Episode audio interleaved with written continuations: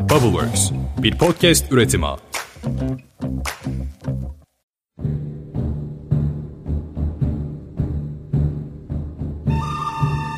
Merhabalar. Podcast Boş İşler'in iyi, kötü, çirkin yanlarıyla remote working'i anlattığımız özel dosyasına hoş geldiniz. Ben Seha. Ben de Atakan. Bu özel dosyamızda sizlere remote working sürecinde şu anda birçok ofis, şirket, yatırımcıların ofisleri boşta ve herkes evlerine dağılmış durumda. Bu durumu kendilerinden dinlemek istedik ve özel bir dosya hazırlayarak bunları sizlere aktarmak istedik.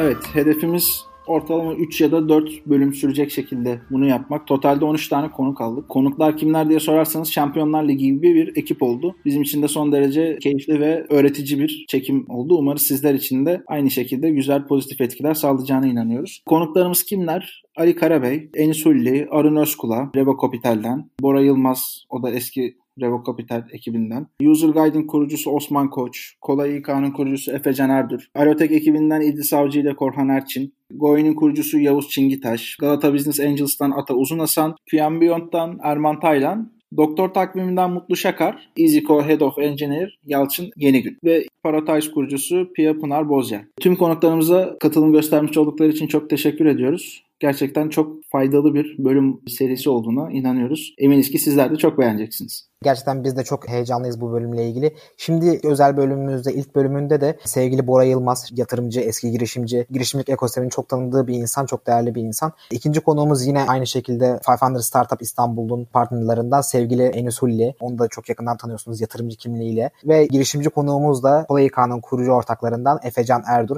Efecan da gerçekten Türkiye'deki girişimcilik ekosisteminde çok önemli yerlerde olan biri ve onların değerli bilgilerini dinleyeceğiz bu bölümümüzde. Evet, heyecanlıyız. İstersen bir an önce konuklarımızı dinlemeye başlayalım. Evet, şimdi bir de konuklarımızı tanıyalım.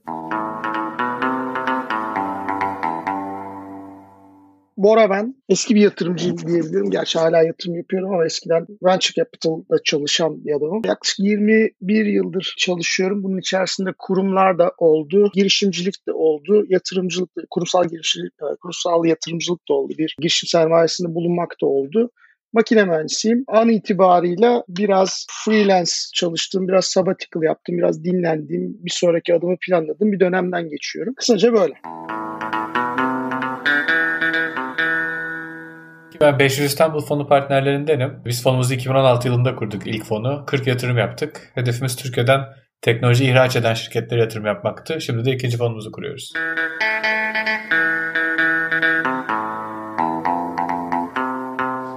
Merhabalar, ben Efecan. Kolay İK'nın kurucu ortağıyım. Kolay İK'dan biraz bahsedebilirim. Aslında tam yaşadığımız durumlar üstüne iyi denk geldi. Biz şirketlerle çalışanlar arasında bir köprü vazifesi görmeye çalışan bir insan kaynakları platformuyuz. Yani aslında temelde insan kaynakları ekiplerin yönettikleri özlük bilgilerinden tutun da performans değerlendirmeye, vardiya yönetiminden tutun da zimmetlerin takibine kadar insan kaynakları temelli birçok verinin yönetildiği bir platformuz. Ama bizim diğer platformlardan farkımız ise çalışana temas etme noktası. Yani Kolay İK'da bütün çalışanların bir hesabı var. İzin alacakları zaman kendi izinlerini talep ediyorlar. Bordrolarını görecekleri zaman mobil uygulamadan girip bakıyorlar ya da ekip arkadaşlarında birinin iletişim bilgisine ihtiyacı oldukları zaman aynı şekilde uygulamaya girip hızlıca takibini yapabiliyorlar. Yani özetle insan kaynakları yönetim platformu diyebiliriz Kolay İK için. Evet değerli konuklarımızı tanıdık. Şimdi konseptimiz gereği kendilerine belli başlı sorular sorduk. Bu soruların cevaplarını alacağız. İlk sorumuzda remote çalışma eve geçiş süreci nasıl gerçekleşti, nasıl e, adapte oldular? Bunlarla ilgili kendilerinin cevaplarını dinliyoruz. Hiç yalan söylemeyeceğim. Bir aydan fazla yani. Hatta bir buçuğu bulmuştur rahatlıkla. Bir buçuk ayda ben ne nerede nasıl artık hakimdim. Nereden neyi açacağım, nerede neyi tutacağım, hangi uygulamayı kullanacağım. Bunların hepsi bir buçuk ayda oturdu ama daha da önemlisi o bir, bir, bir buçuk ayda bu bir geçiş süreci düzenden başka bir düzene geçmeye çalışıyorsun. O yüzden sınırlarını belirlemek, bunu çizmek ve bunu herkese hem deklare etmek hem de uyma, uymalarını sağlamak problem. Ne demek o? Zamansal sınırlarını, işte mekansal sınırlarını. Bu oda benim odam. Bu masa benim masam. Bu eşya benim eşyam. Saat 10 ile 12 arası kimse dokunmasın bana. Ee, çocuk da dokunmasın, eşin de dokunmasın. İşte sen de distract olma işte bütün uygulamaları kapatıp ya da işte sosyal medyayı kenarda snooze edip bir şekilde konsantre olman lazım. Bu sınırları çizemezsen bir türlü o başlamıyor. O, o döngü başlamıyor. Sınırları çizmen, deklare etmen ve insanların ona uygulamasını sağlaman lazım. Örneğin şey çok yararlı oldu. Yani karantinadan sonra oldu ama ya karantinanın bir haftasının geçtikten sonra oldu ama karantina demeyelim ya da evde kal başladıktan sonra işte çocukların dijital olarak eğitime başlaması, uzaktan eğitime başlaması aslında evden çalışanlar için çok değerli. Onları bug etmesi, onların konsantrasyonunu bozmasını engellemesi anlamında. O yüzden evdeki herkesin bir şeylerle uğraşıyor olması lazım. Özellikle bu evde kal mevzusundan sonra evde kalan herkesin bir meşgaliyet meşguliyeti olması lazım. Yoksa herkes birbirini bir şekilde bug edebiliyor. Ama tool'lar artı bu düzen yaklaşık bir buçuk ayı var benim. Ben herkesten şanslıyım. Çok önce başladım. Dediğim gibi yaklaşık bir yıl falan oldu. Ama karantina başladığında biz hemen evde kal başladığında çok hızlı ailecek adapte olabildik. Daha bu dediğim zaman olmadı eve geçenler, evde remote başlayanlar için. O yüzden kendilerini de kötü hissetmesinler. Bir sistem oturtamadılarsa eğer. Çünkü biraz el yordamıyla bulmaya çalışıyorlar. Onun da stresini üzerlerine yüklemesinler. Yani bir ben mi çalışamıyorum evden, bir ben mi yapamıyorum olmasın yani. Bu, bu çok kolay bir şey değil çünkü. Biz zaten şimdi fon yöneticisi olarak aslına bakarsanız sizin ana işiniz ya portföy şirketlerinizle ilgilenmek ya yatırımcılarınızla ilgilenmek ya da takım içi toplantılar. Bu takım içi toplantıları tabii ki her zaman zaten yüz yüze yapıyorduk ama geri kalanları hep bizim için ofis dışındaydı. Ondan ofisin dışına geçmek çok fazla bir şey fark ettirmedi kendi iş akışımız anlamında. Şöyle fark ettirdi bir noktadan sonra portföy şirketleriyle de görüşemez olduk. Kendi yatırımcılarımızla da görüşemez olduk. Onları da online'a taşımış olduk. Tabii doğal olarak e, evde kalıyor olunca. Ama ilk etapta biz kendimiz ekip olarak e, evde kalmaya başladığımızda çok bir şey değişmemişti. Farklı konularda küçük küçük Trello hesapları da kullanıyorduk. Hı hı. E, kendi ana işimiz anlamında herhangi bir sorun yaşamadık. Ama dışarıyla olan iletişim de kesildiği için bir yerden sonra tüm portföy şirketleriyle online'da görüşüyorsunuz. Tüm yatırımcılarınızla online'da görüşüyorsunuz. O tabii yüz yüzeyle aynı efektiflikte olmuyor. Bence takım içinde herhangi bir sorun yaşamadık. İş gücümüz azaldı diyemem. Ama takım dışı toplantılar ki asıl önemli olan o. Bizim asıl yaptığımız iş takım dışı, takım içi değil. Çünkü bir ürün üretmiyoruz burada. Onlar bayağı bir kesintiye uğradı.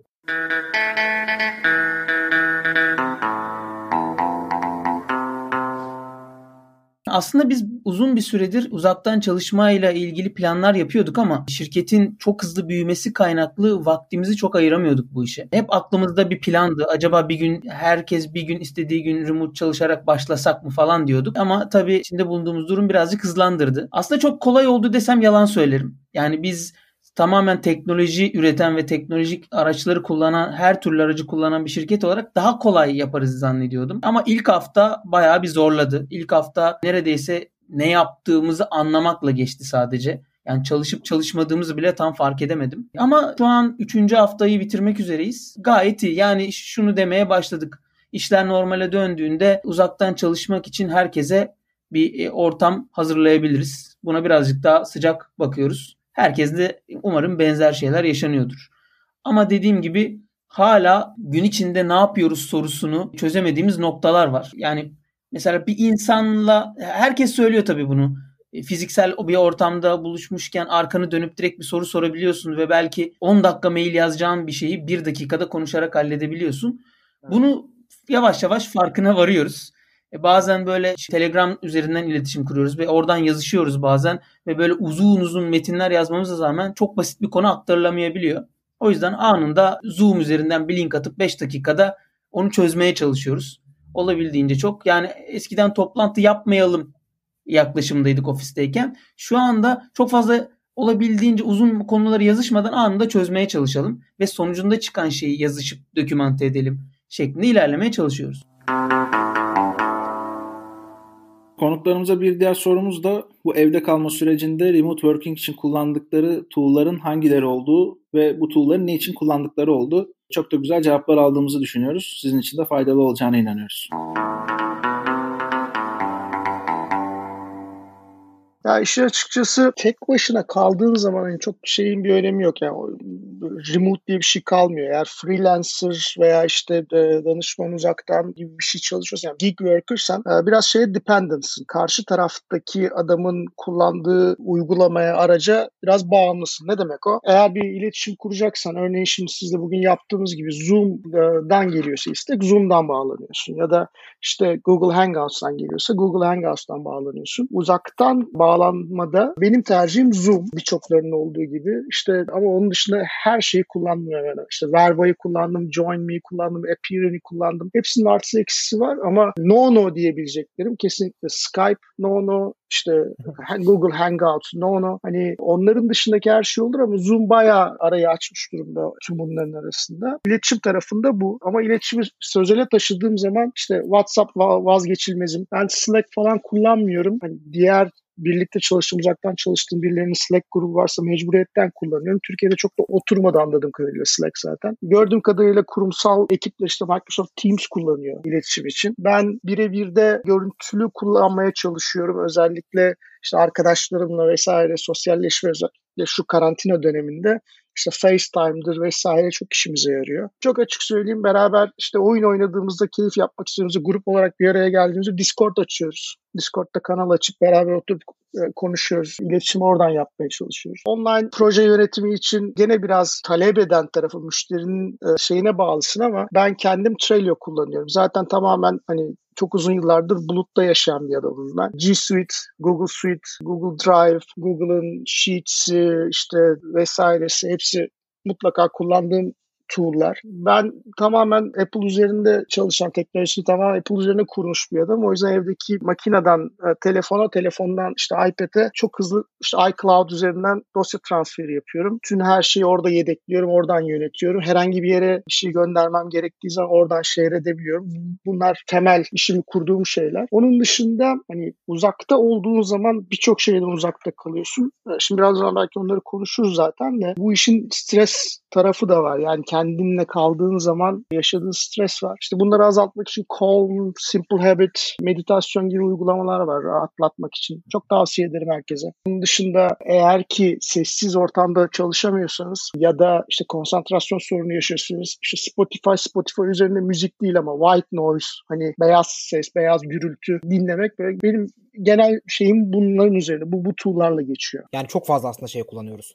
Çok ister istemez. Yani herkesin teknolojisi birbirinden farklı. Herkes belli bir tool'a adapte olduğu için sen çok fazla şey yapamıyorsun. Onu sen yönlendiremiyorsun. Ya ben bunu kullanacağım. Ama kendi kendine kaldığın zaman seçimlerin bir parça sana özel olabiliyor. Orada da seçenek çok. Deneye yanına, deneye yanına şey, bir şeyler bulmaya çalışıyorsun. Tool çok fazla var. Office 360 bile bence çok başarılı bir ürün kendi içinde. Yani beraber sunum hazırlama, beraber bir Word dokümanını edit etme e, çok kolay. Ya da proje yönetim penceresinden işte Asana'yı kullanabilirsin, işte Basecamp'i kullanabilirsin falan. Bunlar zaten bulutta yaşayan adamlar için halihazırda kullandıkları tool'lar sadece uzaktan kullanmaya başlıyorlar aslında. Ama dediğim gibi tool çok. Doğrusu yanlışı da yok bu arada.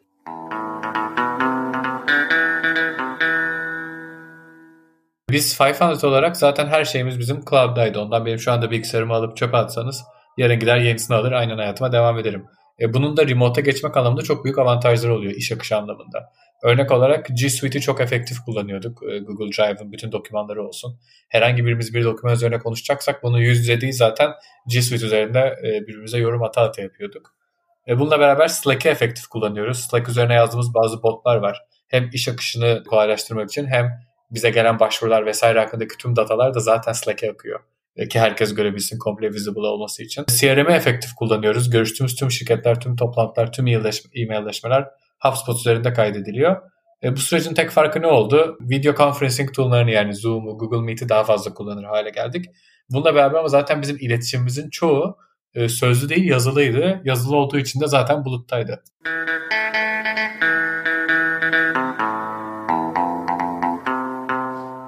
Yani aslında alışkın olduğunuz şey muhtemelen Slack'tir. Biz Slack de kullanıyoruz ama Slack'i mesajlaşma için kullanmıyoruz. Nedeni de şu. Biz Slack'e Slack çok fazla tool bağladık. Yani oradan buradan bir sürü notification geliyor. Kullanıcı kayıtlarından tut CRM'deki hareketlere, tele, şirkete gelen telefonlardan tut böyle bir sürü bir sürü notification geliyor. Ve bu, bu kadar çok notification içerisinde iletişim kurup problem çözmek biraz zor oldu. Yani bir sürü notification yağarken bir yandan da gerçek insanların yazdığı mesajlar arada kaynayabiliyordu. Channel'lar doldu her tarafta.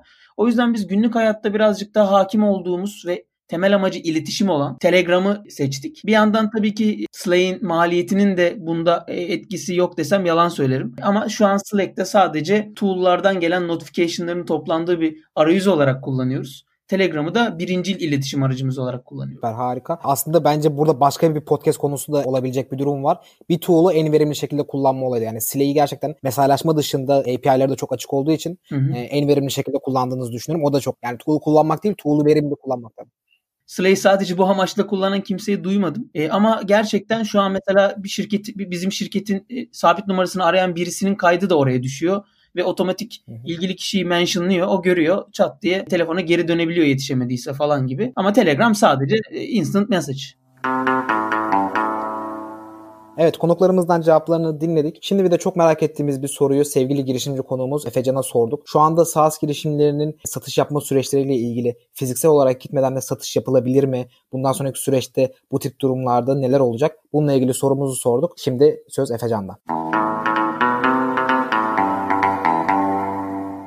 Ya aslında bu konu bizim tarafta bayağı ilginç. Çünkü bizim bu işlerden de önce hiç toplantıya gitmeden satış yapma operasyonumuz vardı. Ama bayağı küçüktü.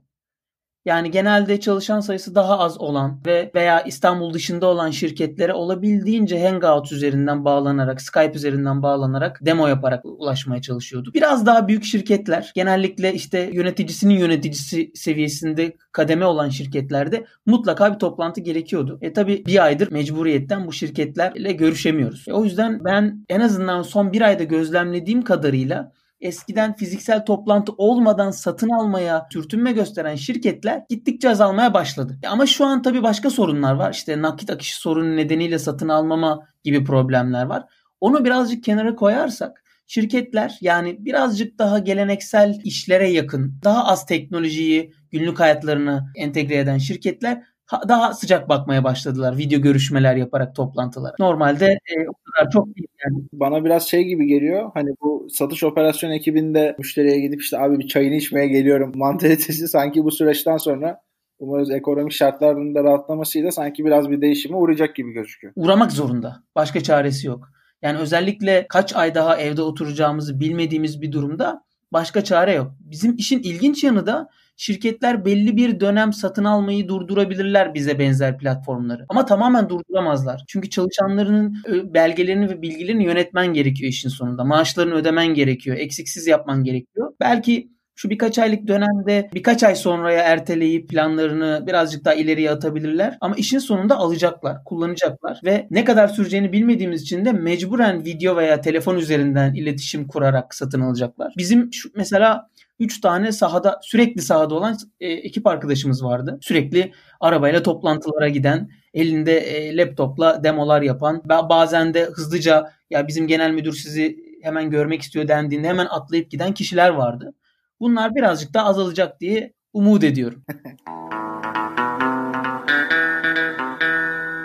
Enis ve Bora abiye bir de şu soruyu sorduk. Şu anda çok kaotik bir ortam var. Bu süreçten elbette ki B2B SaaS girişimleri olumsuz etkilenebilir ama bu işin yarınında neler olacak, neler öngörüyorsunuz sorusunu sorduk. Çünkü ikisinin de SaaS girişimlerine yapmış oldukları yatırımlar var ve çok değerli gözlemleriyle güzel yorumlar sundular. Dinliyoruz.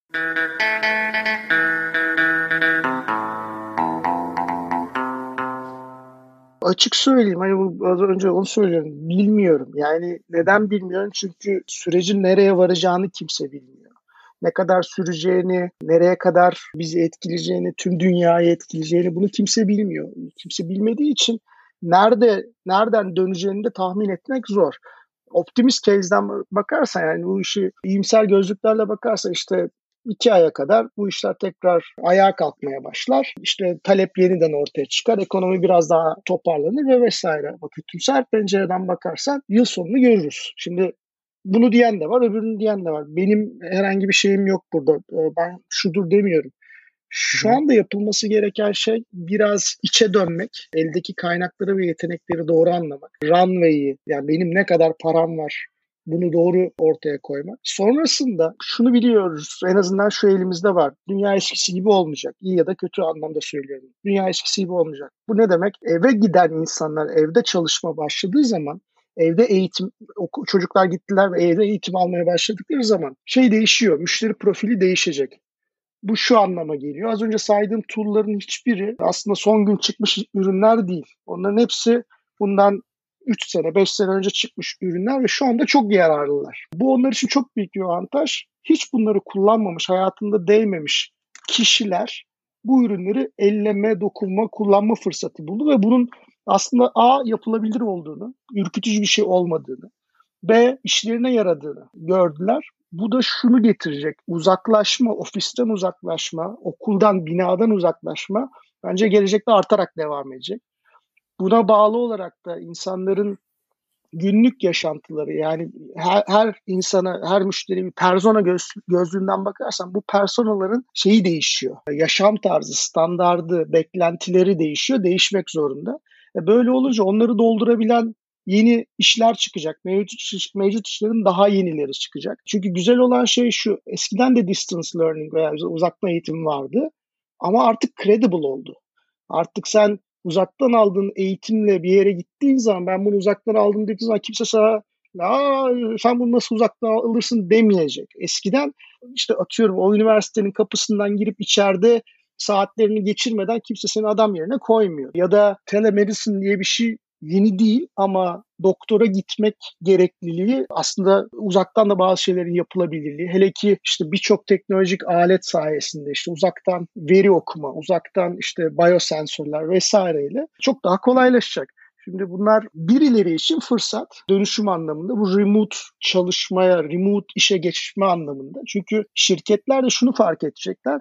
Eskiden 100 kişi ofiste çalıştırıyorlar ve herkes aynı online tool'ları kullanıyorken eğer ki bugünler çerçevesinde, bugünkü zorlamayla gelen bu, bu durum çerçevesinde uzaktan çalışmanın formülünü çözebilirlerse o zaman diyecekler ki aynı adamı tutalım, aynı adamla çalışalım. Hepsi zaten cloud'da yani bulutta ürün kullanıyorlar. E biz bunu 50 kişi ofiste taşıyarak, ofiste kullanarak veya ofiste bulundurarak yapalım diyecek. O yüzden ben o, o manada hani senin sorunda sağsın işte e, bulut üzerindeki teknolojilerin her yerden erişilebilir teknolojilerin çok çok e, daha hayata gireceğini artık bizler gibi hani e, teknoloji içinde kaybolmuş adamlar değil çok böyle sıradan insanların da farkında olmadan hayatlarının bir parçası olacağını özellikle beyin işi yapanların yani oturup da bir bilgisayarın önünde iş yapan adamların Aa bir dakika ben niye ofise gidiyorum ki? Ya da çalışanının şey e, işverenin ya niye ofise geliyorsun ki sen uzaktan da çalışabilirsin dediği yere doğru gidiyoruz gibi gözüküyor. Bugünden yarına olmayacak bu dönüşüm ama bunu derken şunu demeye çalışıyorum. Bugünkü mevcut startuplarda aman da işte dünya değişiyor hemen uçalım kaçalım değil. Biraz sakin panik yapmadan süreci biraz takip edip elindekine bakıp hem yeteneklerine, yetkinliklerine, kaynağına, iş gücüne bakıp bunu yapması lazım. Bugün şanslı olan o dijital dönüşümü aylar yıllar önce başlatmış olanlar işte Enterprise tarafında. Yarın daha da hızlanacak. Bu bir fırsattır. Doğru zamanda doğru yerde olmak lazım. Ama elinde yoksa bir şeyleri ittirerek hani üçgeni karaya sokmaya çalışarak da bir şeyler olmayacaktı. O yüzden kendine dönüp çok böyle dürüst bir şekilde biz, ben şirket olarak ne yapıyorum, kim için yapıyorum, nasıl yapıyorum, ne kadar daha iyi yapabilirim, yeni dünyaya nasıl adapte olabilirim, kısa dönem fırsatlarım ne, neler, uzun dönem fırsatlarım neler, kısa dönemde riskler neler, uzun dönemde riskler neler. Ben buradan atıyorum bugünden yarına interaktif SaaS acayip bir işe dönüşeceğim dediğim zaman bunu dönüştürebilecek ne e, entelektüel sermayem ne de gerçekten parasal sermayem yoksa kendi kendimi kandırırım. Bunu da yapmamak lazım. Ya özellikle Türkiye'nin SaaS girişimleri diye bakalım bence. Kısa dönemde negatif tabii ki. Niye negatif? Çünkü eğer bir herhangi bir teknolojiye yatırım yapıyorsa bir firma, bir kurumsal firma bu uzun dönemli bir yatırımdır. Sizin yaptığınız bir teknoloji yatırımı bu basit bir ERP veya bir procurement software de olabilir, bir İK yazılımı da olabilir. Başında o teknolojiye yapacağınız yatırımı birkaç sene içerisinde çıkartır zaten. Çünkü başında yüklü para veriyorsunuz. Bu işin kurulumu var. Kurum içerisindeki 5, 10, 20 kişiye öğretilmesi var. Bunların hepsi aslında size maliyetler. Ondan sonra da tabii işinizi çok kolaylaştırdığı için aldığınız bu ürün. Ürün, herhangi bir ürün olabilir bu. Bu verdiğiniz parayı 6 ayda, 8 ayda, belki 2 yılda, 3 yılda geri çıkartmaya bakıyorsunuz. Yani kurumların ne kadar likiditesi azalırsa o kadar bu tarz teknolojik yatırımlardan bütçeler kısılmaya başlıyor. Ondan e, SaaS dünyasında kısa dönemde de kurumsal firmaların hacimlerinin geri eski seviyesine gelmeyeceğini düşünüyorum. Eğer dünya normale dönse bile bundan bir buçuk ay sonra hepimiz evde kal bitsin, hepimiz tekrar sokaklara çıkalım, normal bir şekilde hayat devam etsin. Firmaların tekrar likiditeye ulaşması, bundan iki ay önceki finansal duruma dönmemiz bile global anlamda söylüyorum, Türkiye için değil, bence iki yıl alacaktır her açıdan. Borsa olarak da bu böyle. İyi olan şey ne peki bu SaaS şirketleri için? SaaS şirketleri borsada en az darbe yiyenler oldu çok e, high gross marginli işler yaptıkları için ve ürün odaklı oldukları için hiç operasyonel olmadıkları için aslında karla daha kolay ulaşabiliyorlar haliyle. E, birazcık argeden kısınca, birazcık büyümeden kısınca zaten çok hızlı bir şekilde runway'lerini sonsuz hale getirebiliyorlar. Yani başa baş noktasına gelebiliyorlar. Türkiye'de bu daha da büyük avantaj. Niye? Çünkü Türkiye'deki firmanın zaten avantajı değildi likidite. Türkiye'de zaten likidite ve yatırım yoktu bu. Yatırım için de böyle, müşteri bulmak açısından da böyle. Ama bizim rakip olduğumuz Amerikalı firmalar hem çok büyük yatırımlar buluyorlardı hem çok büyük kurumsal bütçelere hızlı bir şekilde ulaşıyorlardı. Ondan dolayı siz bir sektörün ilk oyuncularından bile olsanız bundan bir 5 yıl geçtiğinde bir bakıyordunuz. Sizden daha büyük 10 tane daha rakip çıkabilmiş yurt dışından. Ondan herkes için kötü. Herkes bütün SaaS şirketleri, bütün startuplar birer yumruk yağı olsa bile bence Türkiye'deki, Doğu Avrupa'daki yani zaten likiditeye ulaşmanın zor olduğu bölgedeki startuplar daha az yumruk yiyecek. Eğer bu alanlar burada hayatta kalabilirse bu startuplar bir sene sonra bir bakacağız. Batıdaki rakiplerimiz patır kütür batmış ve biz bir anda sektörde son kalan birkaç oyuncu olmuşuz. Bizim hep startuplarımıza verdiğimiz bir öğüt vardı. Diyorduk ki Türkiye'de eğer bir Türk startupsak ve Türkiye'deki yatırımcılardan, Türkiye'deki müşterilerden oluşuyorsak o zaman her zaman karlılığa 6 ay uzakta olmalıyız.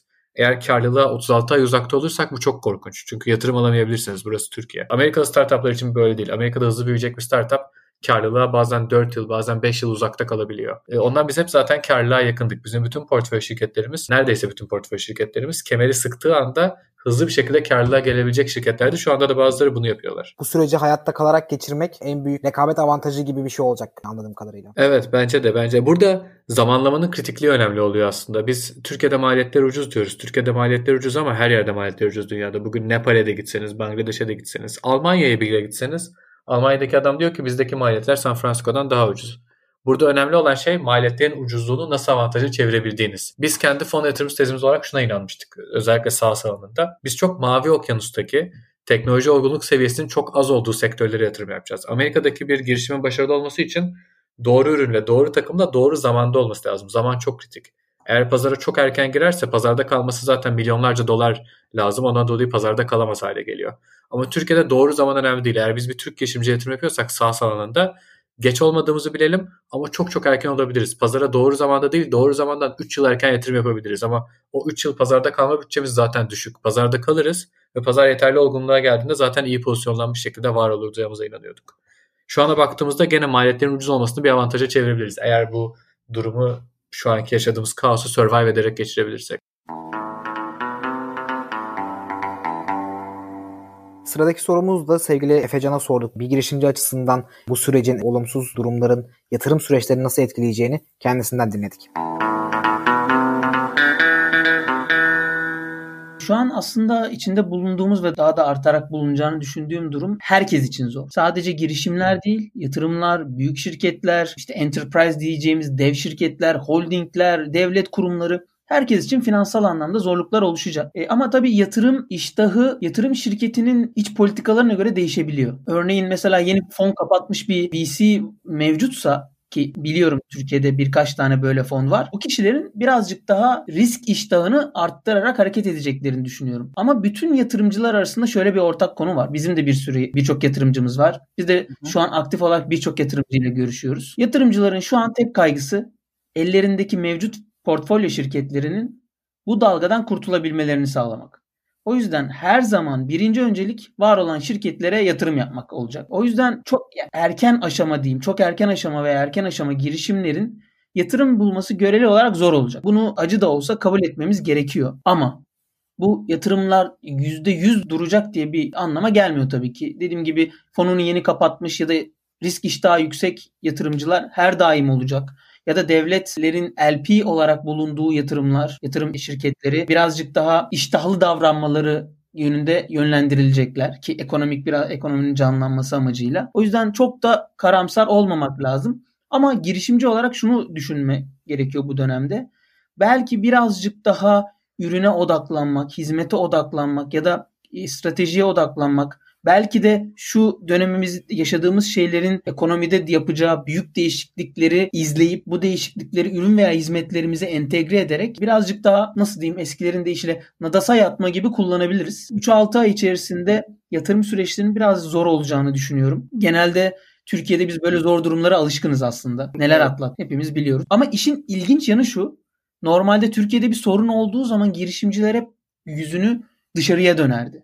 İşte yurt dışına globale açılacağız. Yurt dışında operasyona başlayacağız. İşte İngiliz liste yapacağız. Fiyatlarımızı dolar euro yapacağız gibi. Ama maalesef şu an bu da yok. Böyle bir dünyadayken olabildiğince gözlemleyip daha böyle çok büyük ekipler kurmamışken belki de gelecekte yapılabilecek daha iyi hareketlerin planını yapabiliriz. Yurt dışından görüştüğümüz yatırımcılar var şu an. Bazıları ilginç olarak bize soru soran yatırımcılar var. Yani öğrenmişler artık Türkiye'nin neler atlattığını. Siz çok yaşadınız bunu. Biz ilk kez yaşıyoruz. Önerebildiğiniz şeyler var mı diye gelen yatırımcılar da var. Nasıl biz 2015'te kurulduk. 3 tane büyük olay yaşadık. İsimlerini ne olduklarını söylememe gerek yok. Hepimiz bir, evet. biliyor. Üçünün toplamı seviyesinde bir olay içindeyiz şu an. Yani üçünün toplamı büyüklüğünde. Ama biz mesela 15 Temmuz zamanında yaşananlardan sonra bir hafta evden çalışmıştık ve böyle bir psikoloji içinde bulunup daha sonrasında böyle bir ay sonra silkinip kendimize gelebilmiştik. O yüzden daha önce sanki testini yaptığımız bir demo içinde gibiyiz. E, umarım daha da uzamaz ve e, daha büyük testler içinde kalmayız. Ama özetleyeyim işi. Yeni girişim ve yatırım arayan girişimciler boşuna karamsar olmasın. Mutlaka 3-6 ay sonra bir şeyler düzelecektir. Bu dönemi de fırsata çevirip ürün veya hizmetlerine odaklanabilirler.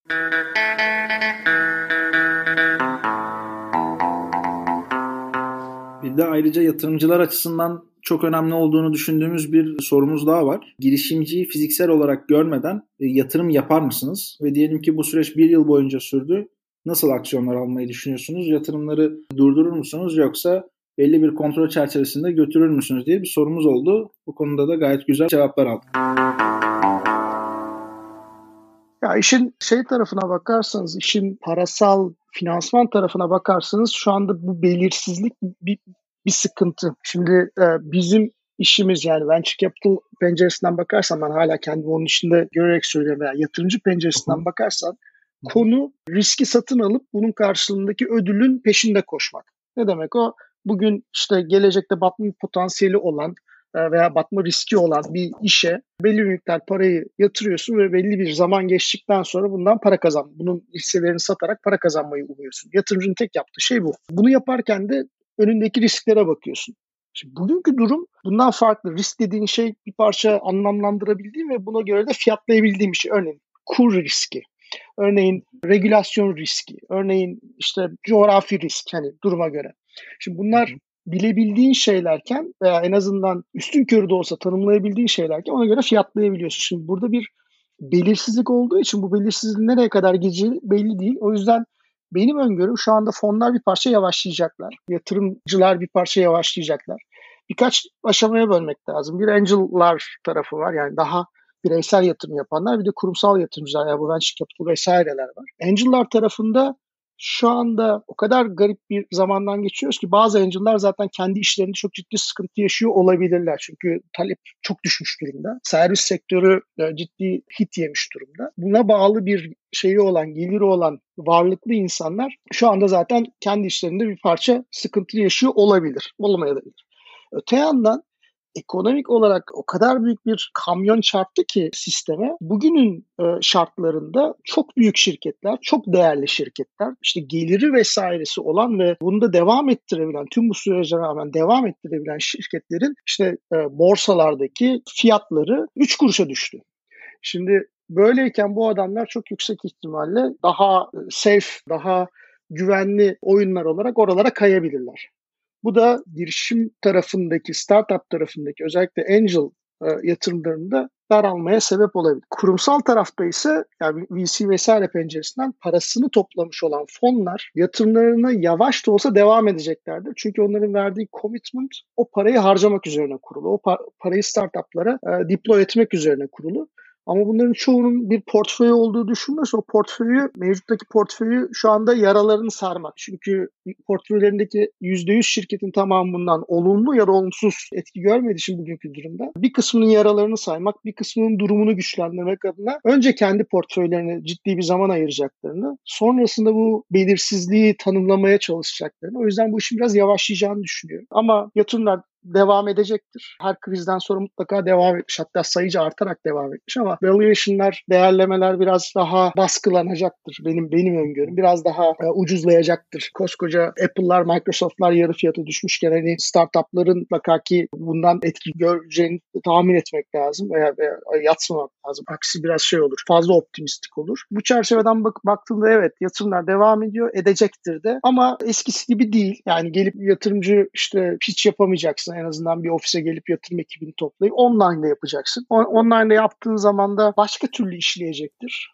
Online yatırım hani yapar mısın Bora derseniz bana tercih etmem ama yapılamaz bir şey değil. Çünkü izlerken de bir girişimcinin mimiklerini vesairesini görebiliyorsun ama bizim işimizde biraz vakit geçirmek lazım girişimciyle. Gerçek fikirlerini, bakış açısını, beklentilerini, stratejisini, hedeflerini ancak o vakti geçirdikçe anlayabiliyoruz. Farklı durumlardaki karar mekanizmalarını. O yüzden ben yüz yüzeyi tercih ederim. Bir de sosyal hayvanız biz. Yani o şeye ihtiyacımız var insan olarak. İnsanoğlunun o sosyal iletişime ihtiyacı var. O sosyalliğin sana sağladığı bazı içgüdüsel şeyler var. İşte karşındakinin konuşma tonundan hissettiğin güven veya işte ekibiyle olan ilişkisinden çıkarttığın, süzdüğün liderlik kapasitesi gibi. O sosyal şeyler burada e, online'da çok geç yetişken değil biraz daha sıkıntılı özellikle uzaktan konuşmakta ya da telefonla konuşmakta ilgili sıkıntı yaşayan arkadaşlar kendini ifade etmekte daha da zorlanacaklardır. Tabii ki yatırımcı da buna şey yapacaktır. Hani bir, bir marj bırakacaktır buna ama şu anki durum biraz şey işte korona sebebiyle ipso facto bir durum var. Koronadan dolayı biz online'da yatırım görüşmelerini yapmak zorundayız. Yarın bu biraz de facto standarda doğru gidiyor. Yani artık bence çoğu işin en başı zaman kazandırması ve insanları çok daha kolay bir yere bağlayıp hop diye işte atıyorum biri Çin'de öbürü e, Amerika'da öbürü Türkiye'de aynı anda ekrana bağlayıp yapmanın kolay olduğunu bir kere çözdükten sonra bu iş de facto standarda gidecek gibi geliyor. En azından yatırım sürecinin en başında. Bu biraz vazgeçilmez bir hale gelecek gibi görünüyor. Benim görüşüm böyle. Biz zaten daha önce Doğu Avrupa'da yaptığımız yatırımlarda online görüşerek yaptığımız yatırımlar olmuştu. Yani belki bir kere yüz yüze buluşup sonra beş kere altı kere e, Google Meet üzerinden örnek olarak call yapıp daha sonra yatırım yaptığımız girişimler oldu. Ondan zaten tanıdığımız bir şekilde bir ilişki kurmuş olduğumuz girişimlere uzaktan görüşerek de yatırımlar yapıyoruz. Ama daha önce hiç görüşmediğiniz birine bence yüz yüze hiç görüşmeden, ofisine gitmeden, ekibini tanımadan uzaktan yatırım yapmak tabii ki olabilir. İstisnalar her zaman olur. Ama bütün bir yatırım ekosistemini eğer siz buna bağlarsanız hacimler çok çok çok fazla düşecektir. Portföy şirketleriyle de her zaman zaten küçük küçük e, görüşmeler yapıyorduk. Telefonla olsun veya online e, telekonferans yazılımlarıyla olsun. Şu anda artık bunlar daha bir e, çerçeveye oturdu. Yani daha önce belki her ay bir kere yüz yüze görüşüp bir iki kere de telefonda konuşuyorsak şu an artık sadece telefonda konuşacağımız için o zaman her hafta cuma sabahı bir saatlik yapalım, ekran paylaşalım ve şu şu şu şu üzerinden geçelim gibi. Yani olayı yüz yüze yapamayınca siz en fazla efektifliği alabilmek için sanal ortamda bu toplantıdan ona belli bir structure belirlemeniz gerekiyor. Belli bir agenda belirlemeniz gerekiyor. Oluyor aslında güzel şeyler bunları düşünme fırsatı yarattı bize. Bence asla bir yıl sürmez. Ama diyelim ki sürdü. Bence genel olarak portföy yönetimine harcadığınız zaman çok daha artıyor. Buna bağlı olarak kendi portföyünüze ayırdığınız, ayırdığınız bütçe de daha fazla artıyor. Örnek vereyim eğer tipik bir girişim sermayesi yatırım fonu, bir VC fonu. Fonu kurarken şunu dediyse ben 15 yatırım yapacağım. Paramın %50'sini yeni yatırımlara ayıracağım. Paramın %50'sini devam yatırımlara ayıracağım. Var olan portföyü beslemek için. Ve bugüne geldiğimizde eğer örnek veriyorum 10 yatırım yapmışsa bugün o stratejiyi komple baştan geçirmek zorunda artık. Çünkü eski dünyadan farklı bir dünyada yaşıyoruz. Belki 10 girişimde durup yeni yatırım yapmayıp %50 %50 ayırmak yerine %30'a %70 yapıp devam yatırımları arttırmak. Yani hem portfolyo yönetimi, portföy yönetimi anlamında kendiniz daha fazla operasyonel olarak şirketlerin içine girmek durumunda kalıyorsunuz. Çünkü ortada bir kriz var. Hem de bununla beraber madem daha çok vakit ayırıyorsunuz kapital de çok büyük ölçüde azalacak, likidite azalacak. O zaman var olan parayı da var olan portföy şirketlerine daha fazla ayırmak gerekiyor. Ondan eğer önümüzdeki yıl böyle sürecek olsa biz normal şartlar altında da yatırım hacmimizi çok çok azaltırdık. Ama bununla beraber ikinci fonumuzu toplama aşamasında olduğumuz için şu an zaten bir süredir yeni yatırım yapmıyoruz. Biz en son yatırımımızı hemen yazdan sonra yaptık. Conductor diye bir e, uygulama güvenliği test ve orkestrasyon şirketine yaptık son yatırımımızı. 40 portföy şirketi oldu ve durduk. E, artık var olan son paralarımızı ki hala ilk fonda birazcık var. Devam yatırım ayırdık tamamen. Yeni yatırım yapacaksak yeni fondan yapacağız. Ama bu durum bir yıl sürerse de uzaktan startuplar para bulamadığı gibi fonlar da para bulması çok zor. Yani bizim uzaktan bir ilişki oluşturup onu yürütüp daha sonra o kurumsal yatırımcıdan bir rakam alabilmemiz her iki dünyanın bu kadar kaotik olduğu bir durumda imkansız zaten. Ben bu konuyla ilgili son bir şimdi konu üstüne aklıma gelen bir şey soracağım da siz de hani yatırım alma süreciniz var ya bu konuda sizin yatırımcılarınız nasıl şey yapıyor şu anda? Bir tedirgin bir duruş var mı? Yoksa şu an için böyle sakin biraz bir önümüzü görelim yolumuza devam ederiz tarzında bir duruş mu var? Şu anlık öyle bir duruş var. Henüz daha büyük bir tedirginlik yok. Biz açıkçası ilk fon toplarken 2016'nın başında toplamaya başladık ve Türkiye gene e, çok iyi olmayan bir dönemden geçiyordu. Ki zaten devamında da darbe girişimi oldu. Ya biz fonumuzu darbe girişiminden tam bir hafta sonra kurduk. 22 Temmuz 2016'da. Darbe girişiminden sonra ilerleyen süreçte 2016'nın sonbaharı ve kışı da aslında gene çok kötüydü Türkiye için. Bakınca o dönemde de korkmuştuk. Acaba yatırımcılar ne düşünecek? Yatırımcılar bu konuda bir yani 10 yıllık bir yatırım bu sonuçta. Baktığınızda bir VC fonunun ömrü 10 yıl ve ileri teknoloji işleri yatırım yapıyorsunuz. Bundan 5 sene sonra 7 sene sonra belki para kazanırsınız diye. Ne kadar kaos ortamı olursa, likidite ne kadar azalırsa şirketler o kadar kısa dönem düşünmeye başlıyor ya da bireyler de o kadar kısa dönem düşünmeye başlıyor ve bu tarz uzun dönemli olan yatırım araçlarına yatırım çok çok azalıyor. Biz ilk fonda da bundan çok korktuk ama hiçbir sıkıntı yaşamadık açıkçası fonu 22 e, Temmuz 2016'da kapatırken. Bence bunun sebebi de Türk insanı olarak o kadar çok şey geçti ki başımızdan aslında çok çok uzun süredir. Herkes buna daha alışık. Her, herkes her şeyin normale döneceğini biliyor. Yani çok daha kalın bir derimiz var. Ekonomik, finans, finansal veya herhangi bir krize karşılık. Ondan dolayı bu iş bittiği noktada, korona krizi de bittiği noktada tekrar eski hayatımıza döneceğimizi düşünüyorum ben.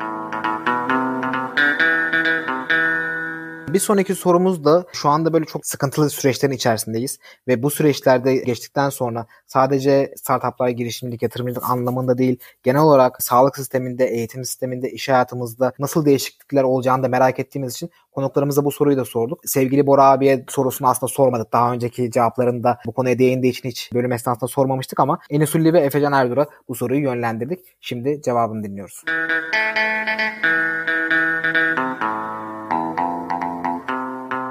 Bence iyi anlamda olacak yani. Bütün dünyada likidite anlamında da teknolojinin kullanımını anlamında da hem B2B'de hem B2C'de belki 2035'te geleceğimiz noktaya 2025'te geleceğiz. Çünkü şu anda yaşadığımız kaos teknolojinin önemini çıkarttı ortaya. Birçok alanda yani bu sağlık, eğitim buna güzel alanlar belki ama inşaatta bile teknolojinin hiç olmayışı, bir inşaatın uzaktan kontrol edilemiyor oluşu, hala her şey insan gücüyle yapılıyor oluşu ve insan gücünün kendi içinde getirdiği bütün bu riskler aslında bugün ortaya çıktı. Onda bence global anlamda teknoloji adaption'ı, teknoloji adaptasyonunu çok arttıran bir süreç olacak bu diye düşünüyorum. Likidite anlamında da şu anda o kadar büyük destek paketleri ve paralar yağdırılıyor ki Avrupa'dan olsun, Amerika'dan olsun. Bu eninde sonunda bu kriz bittikten sonra tüm dünyaya, tüm sektörlere ve insanlara yayılıyor olacak. Ondan bence dünyaya biz bu çok optimistik bir bakış olabilir ama likidite anlamında da paranın dağılması olarak tüm dünyaya, teknoloji adaptasyonu olarak da belki 10 yıl daha hızlı geleceğiz. Şu an yaşadığımız sıkıntılı süreç sebebiyle. Süper. Hiç bakmadım bir bakış açısı olmuştu ya. E, umutla da oldum ben. Teknolojinin daha çok gelmesi iyi olacak hakikaten. Umutlu olamazsak bu işi yapamayız zaten ya. Ondan ben umutlu olarak bakıyorum. Diyorum ki daha önce bir sağlık yatırımı yapmayan hastane, uzaktan hastalarını yönetmek istemeyen bir hastane, hastalar her gün hastaneye gelsin diyordu. Ne güzel doktorumla görüşür ben de para kazanırım diyordu. Şu an fark etti ki doktor onun aslında elindeki en limitli kaynak. Ondan doktorun zamanını iyi kullanması lazım. Hastayı oraya getirmiyor olması lazım. Hastanın oraya gelmesi kendi içinde bir sürü risk taşıyor her zaman özellikle yaşlılarda. Ondan daha fazla teknoloji kullanıyor olacak. E, dediğim gibi aynısı perakende için de geçerli. Yani bugün perakende en çok yumruk yiyen 3 sektör seyahat, horeca, e, otel, restoran ve kafeler e, bir de perakende oldu. Bu aslında özellikle perakende tarafında perakendenin bu kadar gol yemesinin tek sebebi çok offline bağımlı markaların bu kadar büyüyebilmiş olması ve yeterli yatırımı online yapmamış olması ki kaç yıldır e-ticareti konuşuyoruz veya hatta omni-channel çok kanallı ticareti konuşuyoruz. Bunları da arttıracak tabii ki. Geleceğin şirket yapısının da çok daha farklı olduğunu düşünüyorum. Gitgide daha birey şirketlere, tekil çalışmalara, soloprenörlere doğru gidiyoruz. Bu trendi de hızlandıracak bir şey yaşıyoruz şu anda. Yani bu e, işsizliğin artması da olsun, insanların kendi evinden çalışıyor olması da olsun, kendi evinden yapacak iş bulamayan insanların kendi evinden iş yaparak nasıl para kazanabilirim araştırmaya başlaması olsun. Bütün bu gelecekte beklediğimiz trendler, şirketlerin remote'a dönmesi, tekil şirketler ve soloprenörlerin çok çok daha fazla artıyor olması gibi gibi şeyleri hızlandırıyor bu süreç. Yani bugün yaşadığımız külfetli süreci ileride aslında bir avantajı çevirebiliriz insanlık olarak. Şimdi aslında çok duyduğumuz klişe bir cümle var. Krizi fırsata çevirmek. Kriz nasıl fırsata çevrilebilir? Çok mantıksız bir şey gibi düşünen kişiler olabilir. Aslında krizi fırsata çevirmek böyle bir girişimcinin çok bilerek yapabileceği bir şey değil. Şu an mesela bu dalgalı okyanustan kurtulup bir yıl sonra ayakta kalmayı başaran girişimciler çok büyük hareketler yapmamış olsalar da krizi fırsata çevirmiş girişimciler olacaklar. Yani krizi fırsatı çevirmenin birinci önceliği yaşamak. Ayakta kalmak. Ne olursa olsun. Şimdi biz şu an 40 kişi civarındayız. E, çevremde 50, 100, 200 tane çalışan olan birçok girişimci ve kurucuyla tanışıyorum. Herkes bu dalgayı atlatmaya çalışıyor. Bazıları şimdiden vazgeçmiş durumda. Atlatamayız zaten boşuna uğraşıp insanlara ümit vermeyelim gibi şirketin yarısını işten çıkaranlar var. Böyle karamsarlığa düşmemek lazım. Birinci amaç bu krizden çıkmak olması lazım. Eninde sonunda bitecek. 3 ay sonra, 6 ay sonra, 12 ay sonra, 24 ay sonra bir gün bitecek. O dönemde de dediğin gibi bu durumun getirdiği değişikliklere odaklanmak lazım. Birincisi hepimiz görüyoruz bariz. Eğitim. Eğitim sistemi artık eskisi gibi olamaz. Bu çok netleşti. Ve ne olursa olsun zamanla eğitim sisteminin online'a gideceğini biliyorduk ama şu an gitmek zorunda kaldık. Ve şu an birazcık daha karamsar bir durumda olduğumuz için sanki ne olduğunu görmüyoruz ama şu an çalışıyor. Yani birçok kişi uzaktan eğitimine devam edebiliyor. Üniversitelerinde videolu eğitim alamayanlar isim vermeyeyim birçok eğitim ortamından YouTube gibi yerlerden eğitimlerini almaya devam edebiliyor. Bazıları mecbur kaldığı için bazı öğrenciler de zaten bunu normalde de yapabildiği için. Birincisi eğitim çok değişecek. Bu konuya odaklanmak gerekebilir. Sadece e, öğrenciler için de düşünmemek lazım. Eğitim şirketlerin de tabaklarında olan bir şey. Yani şirketlerin çalışanlarına verdiği eğitim akışları da tamamen değişecek. O yüzden bunun çok ilginç bir değişim olacağını düşünüyorum. Hep umudumdu zaten bu. İster istemez biraz zorlanarak bu işi işe mecbur kaldık. Şöyle düşünmek lazım. Birazcık daha böyle sektör odaklı gitmeden şimdi biraz önce dedin toplantılara gitmeden satışın yapılma ihtimali arttı. Normalde operasyonel masrafları karşılayamadığı için İstanbul'a ya da Türkiye'ye sıkışıp kalmış birçok girişimci bu sayede yurt dışına açılabiliyor olacak. Çünkü biz aslında o kadar da kötü değildik teknoloji konusunda. Avrupa'da birçok ülke teknolojik yani video üzerinden satın alma konusunda bizle benzer durumdaydı. O ülkeler de değişecek. Yani çok büyük bir okyanusa gidebilmemiz için fırsat açıldı. Sınır tanımayan yeni girişim türleri çıkacağını düşünüyorum ben. Ne olduğunu hep birlikte göreceğiz. İşte evden çalışmanın getirdiği Levent'te ofisimiz var kavramı yerine dünyanın 20 ülkesinde çalışanımız var gibi kavramlar oturacak ve bu çalışanların arasındaki iletişim kurabilmek için yeni yeni yöntemler ve araçlar gelişmesi gerekecek. Mesela bulut tabanlı ürünlere bakış açıları hala iyi olmayan şirketler vardı. Tamamen ortadan kalkacak. Bizim birçok yeni gelen birçok kullanıcımızdan şu geri bildirimi aldık. Biz mesela normalde yeni bir şirket geldiğinde şirketleri zorluyoruz. Zorlayarak bütün çalışan bilgilerini kolay üstüne yüklemelerini e, amaçlıyoruz ki hem bizim platformdan daha büyük, daha çok verim alsınlar. Hem de olabildiğince eski araçlardan kurtulup kolaykanın önemini kavrasınlar. Bize mesela birkaç tane şirket mail atıp çok teşekkür etti. Yani şu an ofisimize gidemiyoruz, belgelerin hiçbirine ulaşamıyoruz. Sonradan aklımıza geldi hepsini kolay İK yüklemiştik. Bu sayede işlerimize evden devam edebiliyoruz dediler mesela. İnsan kaynakları genellikle yazılım ekipleri gibi değil tabii ki. Daha az teknolojiye hakim ve sıcak ekiplerdi. O ekiplerde bile bu yaşanıyorsa bu çok umut vaat edici. İşte finansal değişikliklerin getirdiği normalde bir kendi işimden konuşuyorum tabii ki. Kurumsal yazılımlarda lisansın parasını verip alırdın. E, büyük şirketler lisansın parasına bakmazdı. Ofisimizde olsun, bir fiziksel makine olsun, içinde çalışsın derdi. Ama aylık ödemenin getirdiği esnekliği yeni yeni anlıyorlar. Şimdi finansal olarak ortam çok iyi değil. Şirketler örnek vermek gerekirse 100x para vererek bir ürün alacağına aylık XX vererek o ürünü kullanmaya devam edebiliyor ve nakit akışlarını çok zor durumda bırakmıyor.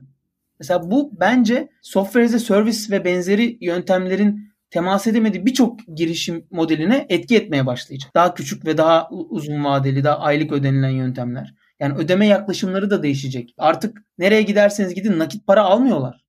Yani markete gidiyorsun birçok yerde nakit kabul etmiyoruz diye A4 kağıdına çıktılar var. Çünkü temas etmek istemiyorlar. E insanlar da bu sayede temassız ödeme ile kredi kartıyla daha da artık Yani günlük hayatımızda yaşlı dediğimiz kişilere bile temas ediyor olacak. Ya bunun gibi birçok değişiklik var. Bunların hepsi muhtemelen girişimcilere yeni fırsatlar açacaktır.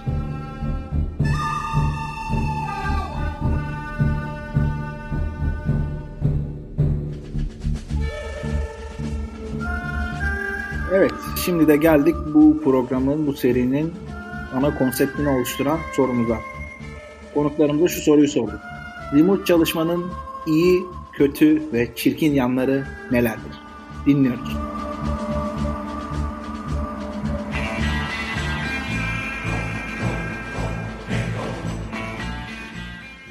İyi tarafı bir kere trafik yok. Hele ki İstanbul gibi bir yerde evet. her yere yetişebiliyorsun. Eğer bu düzenini bir kere oturtabilirsen de distraction yok. Yani birileri senin o şeyini bo- bozamıyor. Bu şeyden de bahsediyorum. Yani ofiste çalışırken birinin ne haber abi demesinden tut işte oradaki herhangi birinin telefonunu çalmasına kadar bu izolasyon aslında faydalı olabiliyor kötü tarafı ya bir süre sonra bayağı asosyal oluyorsunuz. Yani çok açık söyleyeyim. Eğer o şeyi yapmazsan hani o sosyal tool'ları kullanmazsan bir şekilde iletişimde kalmazsan ciddi ciddi asosyal oluyorsun. İş tarafından bakınca iş artık bayağı çıktı temelli olmaya başlıyor. Uzakta uzaktan çalışan adamın kendisini yöneticisine ya da etrafına kanıtlayabilmek için o çıktığı üretmek zorunluluğu var. Eskiden hani sadece orada bulunarak bir fikre Aa böyle yapalım mı diye katkıda bulunarak belki sadece var olabilirken şimdi baya baya çıktı driven bir adam olmak zorundasın bu stres yaratabiliyor.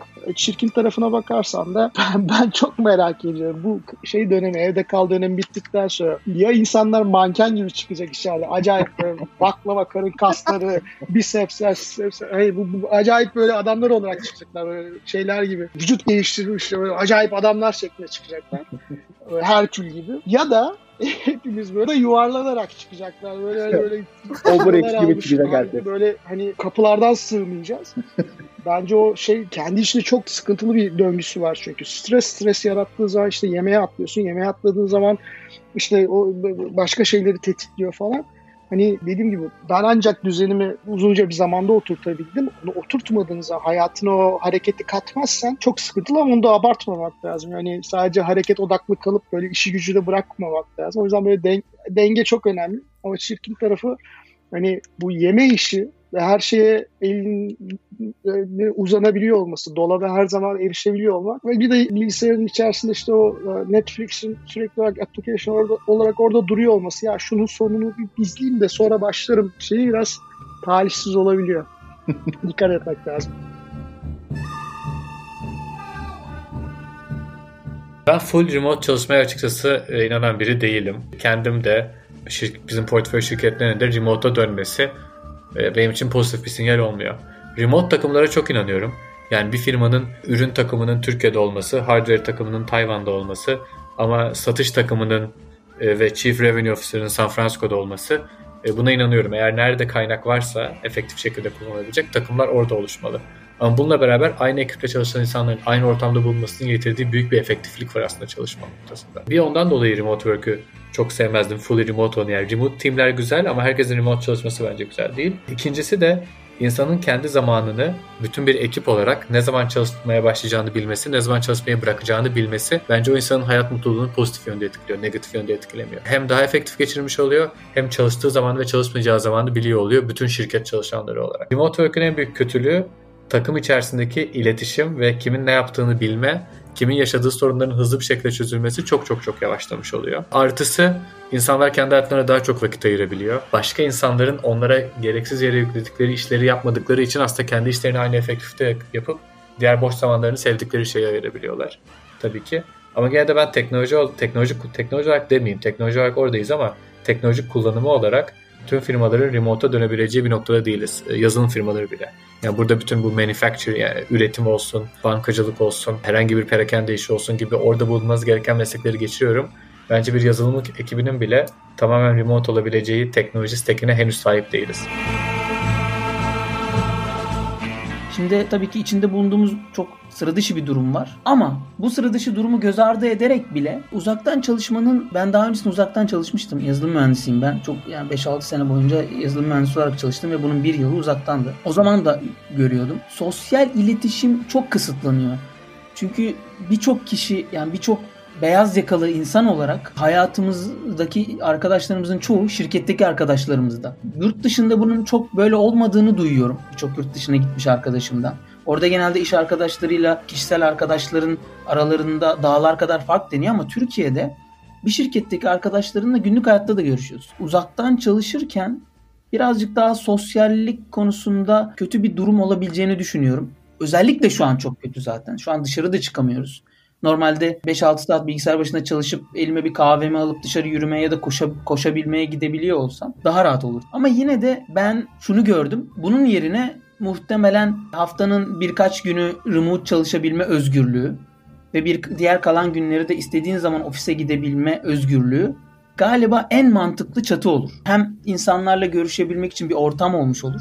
Hem de istediğin zaman canın istemediği zaman trafiğe çıkmak evden çalışma fırsatın olur. Kötü tarafları aslında yani şu an birazcık da yönetici tarafından bakıyorum ister istemez. 40 kişilik bir ekibimiz var. 40'ın 40 kişiyi de ben tabii ki bir, birebir yönetmiyorum. Birçok 4-5 kişi de bu konuda bize yardımcı oluyor. Ama performansı takip etmek birazcık daha zor olabiliyor. Yani çünkü sınırı belirlemen lazım. Her dakika insanlara ne yaptın ne yaptın ne yaptın diyemezsin. Bunu limitlemen lazım. Bunun limitleyerek de çıktıların doğru ilerlediğini takip etmen lazım. Galiba şimdi bu, bu da birazcık çirkin değil ama kötü bir tarafı yönetimsel olarak. İyi tarafları da tabii ki evdesin. Trafikle uğraşmıyorsun. Ki ben normalde çok trafikle uğraşan biri değilim. Ben çok erken çıkarım evden. 6-6,5 saatlerinde çıktığım için çok trafikle boğuşmuyordum. Ama 1 saat, 1,5 saat bazen 2 saat git gel yapan insanlar görüyordum. Bunların kesinlikle hayatlarında düşünsene günde 2 saatinden kurtuldun. Yani 2 saat senin artık. Bu inanılmaz bir şey. Özellikle İstanbul gibi, New York gibi dev şehirlerde muhtemelen tahmin edilemeyecek seviyede optimizasyon sağlıyordur. Yani tabi bunları da dengelemek gerekiyor. Hiçbir zaman da işe gitmiyorum. Tamamen evdeyim. Tek işim kafeye gidip çalışıp sonra eve dönmek gibi bir ortam da yanlış olurdu. Muhtemelen biz kolay İK olarak bundan sonra remote'u bir parça olarak devam ettireceğiz. Ama muhtemelen %100 remote'a geçmeyiz. En azından ben şirketin kurucularından biri olarak böyle düşünüyorum. Bunun daha akıl sağlığımızı koruyucu olduğunu düşünüyorum. e, ama bu fırsatı da çalışanlara vermenin çok büyük bir benefit olduğunu düşünüyorum.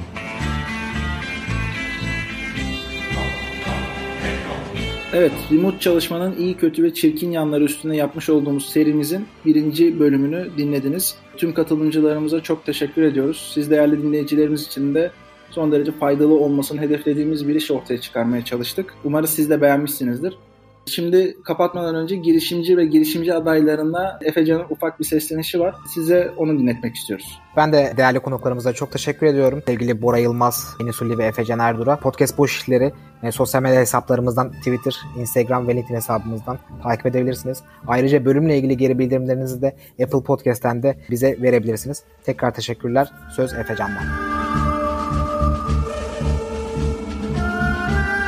Girişimci arkadaşlara sesleniyorum özellikle karamsar olmasınlar, dayansınlar. Bu dalga geçtikten sonra ayakta kalanlar gerçekten krizi fırsata çeviren dediğimiz kişiler olacaklar.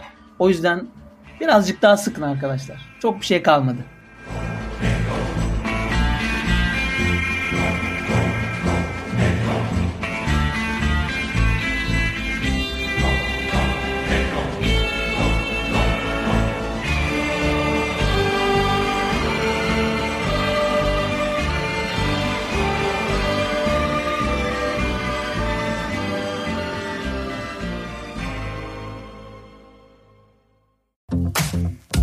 Bubbleworks bir podcast üretimi.